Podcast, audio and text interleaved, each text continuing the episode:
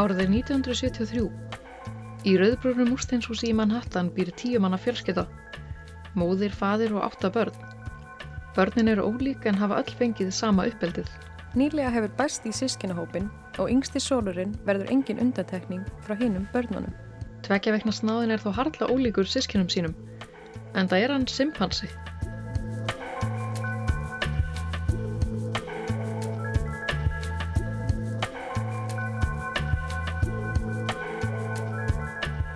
Simpansinn fættist á rannsóknarsetri í Columbia háskóla fyrir prímata. Aðeins tveggja vikna var hann tekinn frá móðu sinni, Caroline. Hún þekkti slíkt allt og vel því öll afkvæmi hennar höfðu verið tekinn af henni og notuði ímiskonar tilraunir. Yngsti sónur hennar átti eftir að fara sömu leið. Simpansinn var afhendur sálfræðiprofessortum Herbert Terras, kallaður Herb, sem starfaði við Columbia háskólan. Herb drindi um að afsanna kenningu málvísindamannsins Noam Chomsky um að aðeins mannfólk hefði þann eiginleika að geta lært tungumál. Til þess vildi hann alveg simpansa á samahátt og unga barn og kenna honum bandarist tákmál. Hann var svo vissi sinni sög að hann nefndi lilla simpansa Nim Chomsky sem skot á fræðimanninn bandaríska.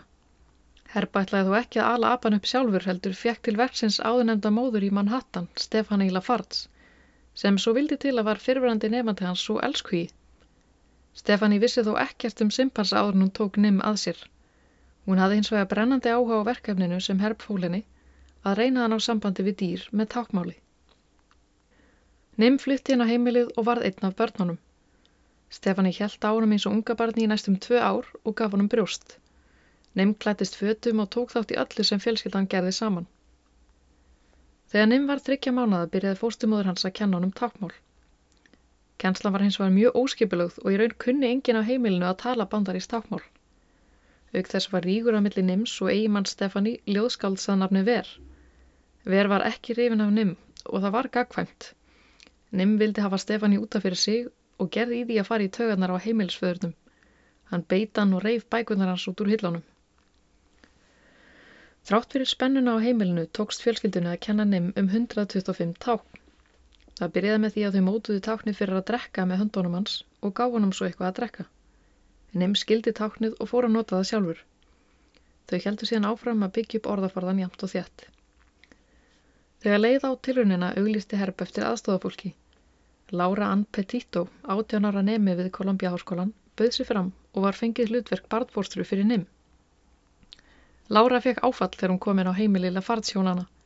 Þetta átt að vera vettvangur vísindarlegra rannsóknar en þarna var allt í upplust.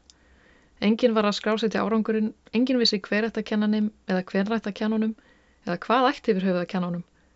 Það var engin ægi á heimilinu og nim gekk perseskangum húsið. Lára var líka efinsum að það væri viðegandi að nim fengi að drekka áfengi og reykja marjuana eins og fóreldrónum fyrfrandi hippum fannst í himnalagi. Nim fannst líka gaman að vera farði í bíl á flegi ferð og almennt vildi hann hafa mikið fjör í kringum sig. Stefani og Ver letu það allt eftir honum því þau vildi að hann neti lífsins. Herb fjálst þó að lokum á rauksendi Lára að heimilið henda ekki til skipularar tungumálakenslu svo hann útbjóð kenslustofu í háskólanum. Þangað þurfti Nim reglulega að fara í kenslustundir þar sem Lára kent honum fleiri tákn. Stefani líkaði hins verið ekki við aðferði Láru og fór að setja hömlur á tíman sem hún mátti verja með Nim. Stefani sagði síðar að einstinni hefði hún ekki viljað að Nim lærði meira Henni fannst hann ekki vera hann sjálfur eftir að hann lærði tungumál. Nim var augláslega mjög gáfaður og skildi alltaf samstundis þar sem gekk á innan vekja heimilisins. Hann átti auðveld með að lesa fólk og ef einhvert sískina hans var í uppnámi kom hann til þeirra, tók utanum þau og kisti tárin burt. Tilfinningabönd innan fjölskyldunar höfðu þó ekkert vægi í rannsókninni og herb ákvaðloks að taka Nim af heimilinu eftir tveggja ára sambúð með Lafartsfjölskyldunni. Fjölskyldan gæti ekkert sagt við ákvörðuninni og enginn spurði Nim, þótt hann kynni nú yfir hundra ták. Herb fekk sveitasettur í eigu háskólans til afnóta og þar heldur þau Lára áfram að kenna Nim. Nim fór að sína miklar fanfarir og bjóðjafil til sín eigin ták. Til dæmis fann hann upp tákt fyrir að leika sem var að klappa saman höndum. Það falt síðan uppáhalds tákniðans. Tilraunin fór að vekja mikla aftekli í sjónarby og dagblöðum. Sérstaklega með Nim var ennþá lítill og krútlegur. En Nim stækkaði jæmt og þétt og fyrir en varði var hann orðin stór og sterkur nánar til degi fjórum sinnum sterkar en fullvaksin manneskja. Lára fór að finna fyrir aukinni árásarnegð, til dæmis ef hún sneiri óvart í hann baki og snöglega, eða glemt að bjóða hann með sér af matnum sínum. Nim beit Láru nokkrum sinnum og það kom fyrir hann endað á spítala. Í eitt skiptið þurfti að sauma 37 spór. Nim beit annan kennara, Joyce Butler, en hún beit hann tilbaka á eirað og eftir það beit hann hana aldrei aftur. Annars var Nim alla jafna nokkuð ástryggur og sóttist eftir návist kennara sinna, sérstaklega þegar hann fóru út fyrir sveitasetrið. Umheimurinn vakti með honum óta. Nim gerði þó reyndar undantekningu fyrir ketti en hann var alltaf tíð mjög hrifin af þeim. Hann vildi alltaf fá að faðma það að sér þó að kettinir væru missifnir á því uppátæki. Öllum sem tóku þátt í rannsókninni ber saman um að Nim hafi verið einstakur persónleiki, klár og hversmanns hugljúfi. Hann hafði þó merkilega lítið að segja um allt það sem gekk á í líf hans, þrátt fyrir að það hafi nú allt gengið út á að kenna hann um að tjá sig. Líf hans var það lúta duttlungum fólksinn sem annaðist hann. Lára varð heitluð af Herb, hinnum virta prófessor sem var 18 árum eldri og síndi henni mikla aðtegli. Herb naut þess að baða sér í aðtegli Láru og notferði sér hrifningu hennar. Þegar hann batt svo snöglega enda á skamvend samband þeirra, brotnaði Lára niður og saði skílið við rannsóknina. Nim tók því þó ekki þegjandi og hljóðalust. Þegar Lára var að pakka saman eigum sínum og undirbúa brottför, klifraði hann upp á aðra hæði húsins, stökk það hann ofan á Láru, feldi hana og tók að lemja höfði hennar í stjættina. Það þurfti fjóra menn til að ná hann um afinni. Nim var klárari eftir því sem hann fullotnaðist og lærði að notfæra sér aðstæður til að fá það sem hann vildi. Hann þóldi ekki kjenslistofuna en það var hún pínu lítið og gluggalast herbergi og táknaði aftur aftur að hann þyrst að fara á klósettið svo hann gæti komist út. Það varð erfiðar að meðhundlan og hann beit sífælt meira og fastar. Hann var augljóslega ekki sáttur. Herb mat og ástandið svo að ekki þyrst hafa áhyggjur. Svo gerðist það einn daginn. Tveir kennarar voru rétt að nim á milli sín. Kennar eða nafni René átt að taka við honum. Nim fór yfir til René og tók við hann um hana, en svo, algjörlega upp úr þurru, beit hann hana í andletið. Nim táknaði fyrir gefðu aftur og aftur en það var um seinan. Vegna síkingarhættu var ekki þetta sauma svo að René var með opið sára á andletinu í þrjá mánuði. Um leið hún hitti Nim aftur, tegði hans í andlet hennar og þá ákvað hún að nú væri nóg komið. Nim var orðin fimm ára og mjög sterkur. Engin vissi hverjum geti tekið upp á. Herb fannst hann ekki geta haldið áfram með tilraunina. Einn morgunin var Nim vakinn snemma, honum gefinn spröyta og hann deyfður. Hann fekk róandi líf og litla bánksansinn til að hafa hjá sér. Herb flög með honum til Oklahoma þar sem hann fór aftur á upphafsreit á prímataransóna setrið. Flestir kennarar hans voru jafnframt með í för. Joyce fannst þetta svíkvöld og ílgjant Nim hafði ekki séð annan simpansa frá því hann var tvekkja veikna gamall og tekinn frá móðu sinni. Hann öskraði og hjælt fast í Joyce. Rannsóknarsetrið leit út eins og fangelsi. Simpansarnir öskuður úr búrum sínum með keðju og hengilásum hálsin. Yfirmadurinn Dr. Lemon gekk um gólf með ramagstaf í hendinni. Nim slefti fyrst takinu af Joyce þegar hann var stungin með ramagstafnum. Hann var kynntur fyrir simpansanum Mack sem var lítill og saglus. Eftir skammastund voru þið farnar að leika sér saman. Herb taldi þetta merki um að nú þyrst hann ekki hafa meiri áhugjur af Nim. Kennurunum tókst síðan að lokka Nim inn í búr þar sem hann var bundin fastur. Nim kallaði eftir þeim en þau sneru ekki við. Nim satt einn eftir og hjælt fast um bangsansinn. Nim hafði alist upp í ástryggu umhverfi, fengið góða umönun, góðan mat og verið eini simpansinn á svæðinu. Þarna var hins vegar engin sérmeðferð. Þegar Nim hafði dvalið eitt ár í prísundinni kom Herb í heimsókn með ljósmyndar á upptökulið. Nim var mjög kátur og hjælt að vera væri að bjargonum. Þeir leikur sér saman halvan dag en svo fór Herb og kom aldrei aftur.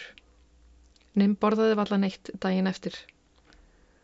Á rannsóknarsettrinu var ungur sálfræðinemi, Bob Ingersoll, sem ákvaða að verða vinur Nim. Hann fór reglulega með hann í gungutúra og talaði við hann á tákmáli.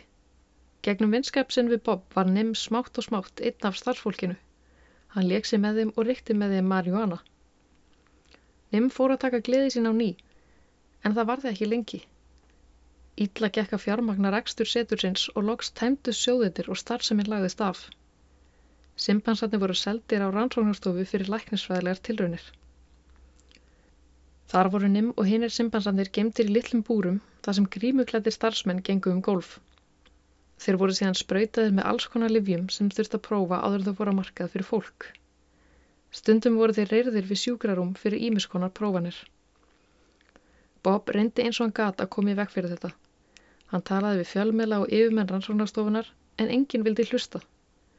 Bob virtist vera svo eini sem stóð ekki á sama um örlug simpansana. Loks náði málið eirum blögmannsins Henry Herman. Henry vildi meina að meðferðin og Nim væri reynd og beint ólögleg. Nim hafi verið alin uppi svo mennst barn og þá mætti ekki bara henda honum inn á rannsóknarstofu gera allskynns læknisfræðilegar tilraunir á honum. Hann ákvað að fyrst þessi simpansi hefði verið alin upp sem manneskja þá ætti að koma fram við hann sem slíkan. Hann vildi að hann færi í dómsal og talaði fyrir sér sjálfur. Eigendur rannsóknarstofunar áttuði sig á að þeir myndi tapa málinu vegna aðteiklinar sem að því hlitist og fjallust á að sleppa Nim. Fyrir hann varði var Cleveland nokkur Amory, eigandi búgarðs fyrir misnótuðu yfirgefin dýri í Texas, búin að kaupa Nim.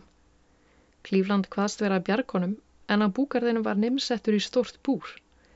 Engin þar kunnið annars simpansa. Þarna voru bara hófdýr. Engin vissi að það eru pyntingar fyrir simpansa sem eru félagsverður að eðlisfæri að vera einir.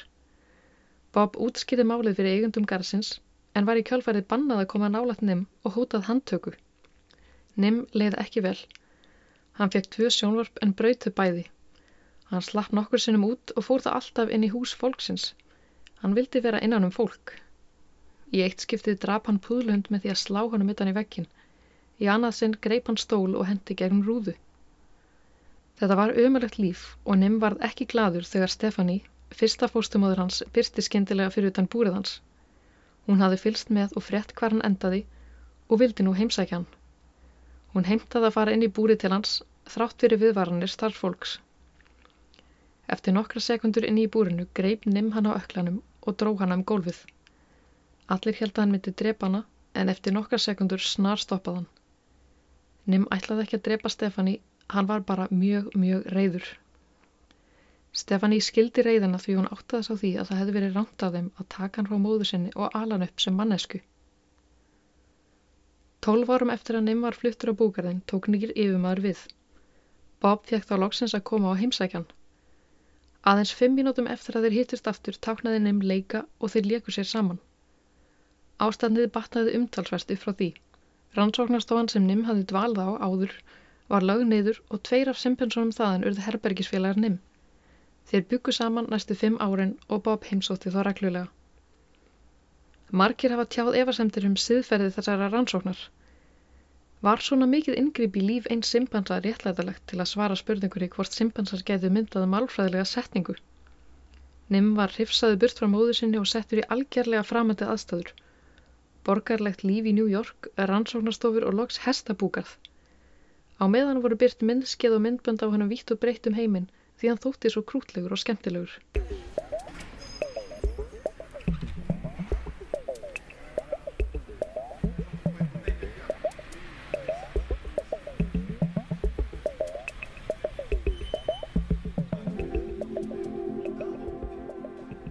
Nim kom meðal annars fram í þætti af Sesame Street sem gæti hafa byrst á sjómanskjám annarar óhefbundunar fjölskyldu í Fíladelfíu. Það var fjölskylda Marion nokkurar Stokes sem í laumi tók upp útsendingar frá fjölmörgum bandariskum sjónastöðum yfir þrjá áratíi. Spólunar sem er um 70.000 talsins býða nú yfirfærslu í geimslu Internet Archives í Richmond, Kaliforníu. Markmið er að yfirfæra spólunar á stafrænt form og gera þar aðgengilegar almenningi. Submarion sem inniheldur fréttir, dægurmálaþætti og auðlisingar þykir einstakt því það varveitir tímabili sögur sjómasmilana sem engin annar gemdi. En á þessum tíma heldur sjómastöðar ekki utanum allt það efni sem þær sendu út. Útsendu efni var sífælt eitt og spólunar endurnýttar. Þetta var gert til þess að spara pening og gemsluplás. Til eru dæmi um þetta hjá ríkisútvarpinu en ekki hefur allt sjómarps og útvarsefni verið varveitt frá upphafi. Útvarsmaðurinn Yllu Jökulsson fekk eitt sinn umslag frá lindum aðdánda sem innihjalt tölvukup með 95 þáttum á útarstáttunum frjálsum höndum. Ríkisútarpi gemdi ekki alla þættina og segist Yllu ekki heldur hafa átt á sjálfur og eru þetta því ómeðalegar heimildir. En svona aðdándur leynast víða og hefur meira segja útarsetjan og sálfræðingurinn Freyser þurft að leita til hlustanna sinna til að eignast eintak af þætti sem ekki hafa verið varvittur vegna plásleysis í útarstöðinni. Just a few tapes in here. All right, keep looking. Uh, oh, hey, Doc. Kenny, I'm just the man I was looking for. Listen, where are all the tapes of my shows kept? You got him. Right there. Well, where are the rest of them? Yes. There are no rest. We record over them. I mean, look around, Doc. We got a space problem down here. Hey, Kenny, where do you want me to put these snow tires? Oh, put them right next to my kids' bikes. Tímanir hafa þó breyst og er líklega flest allt útsend efni varðveitt í dag.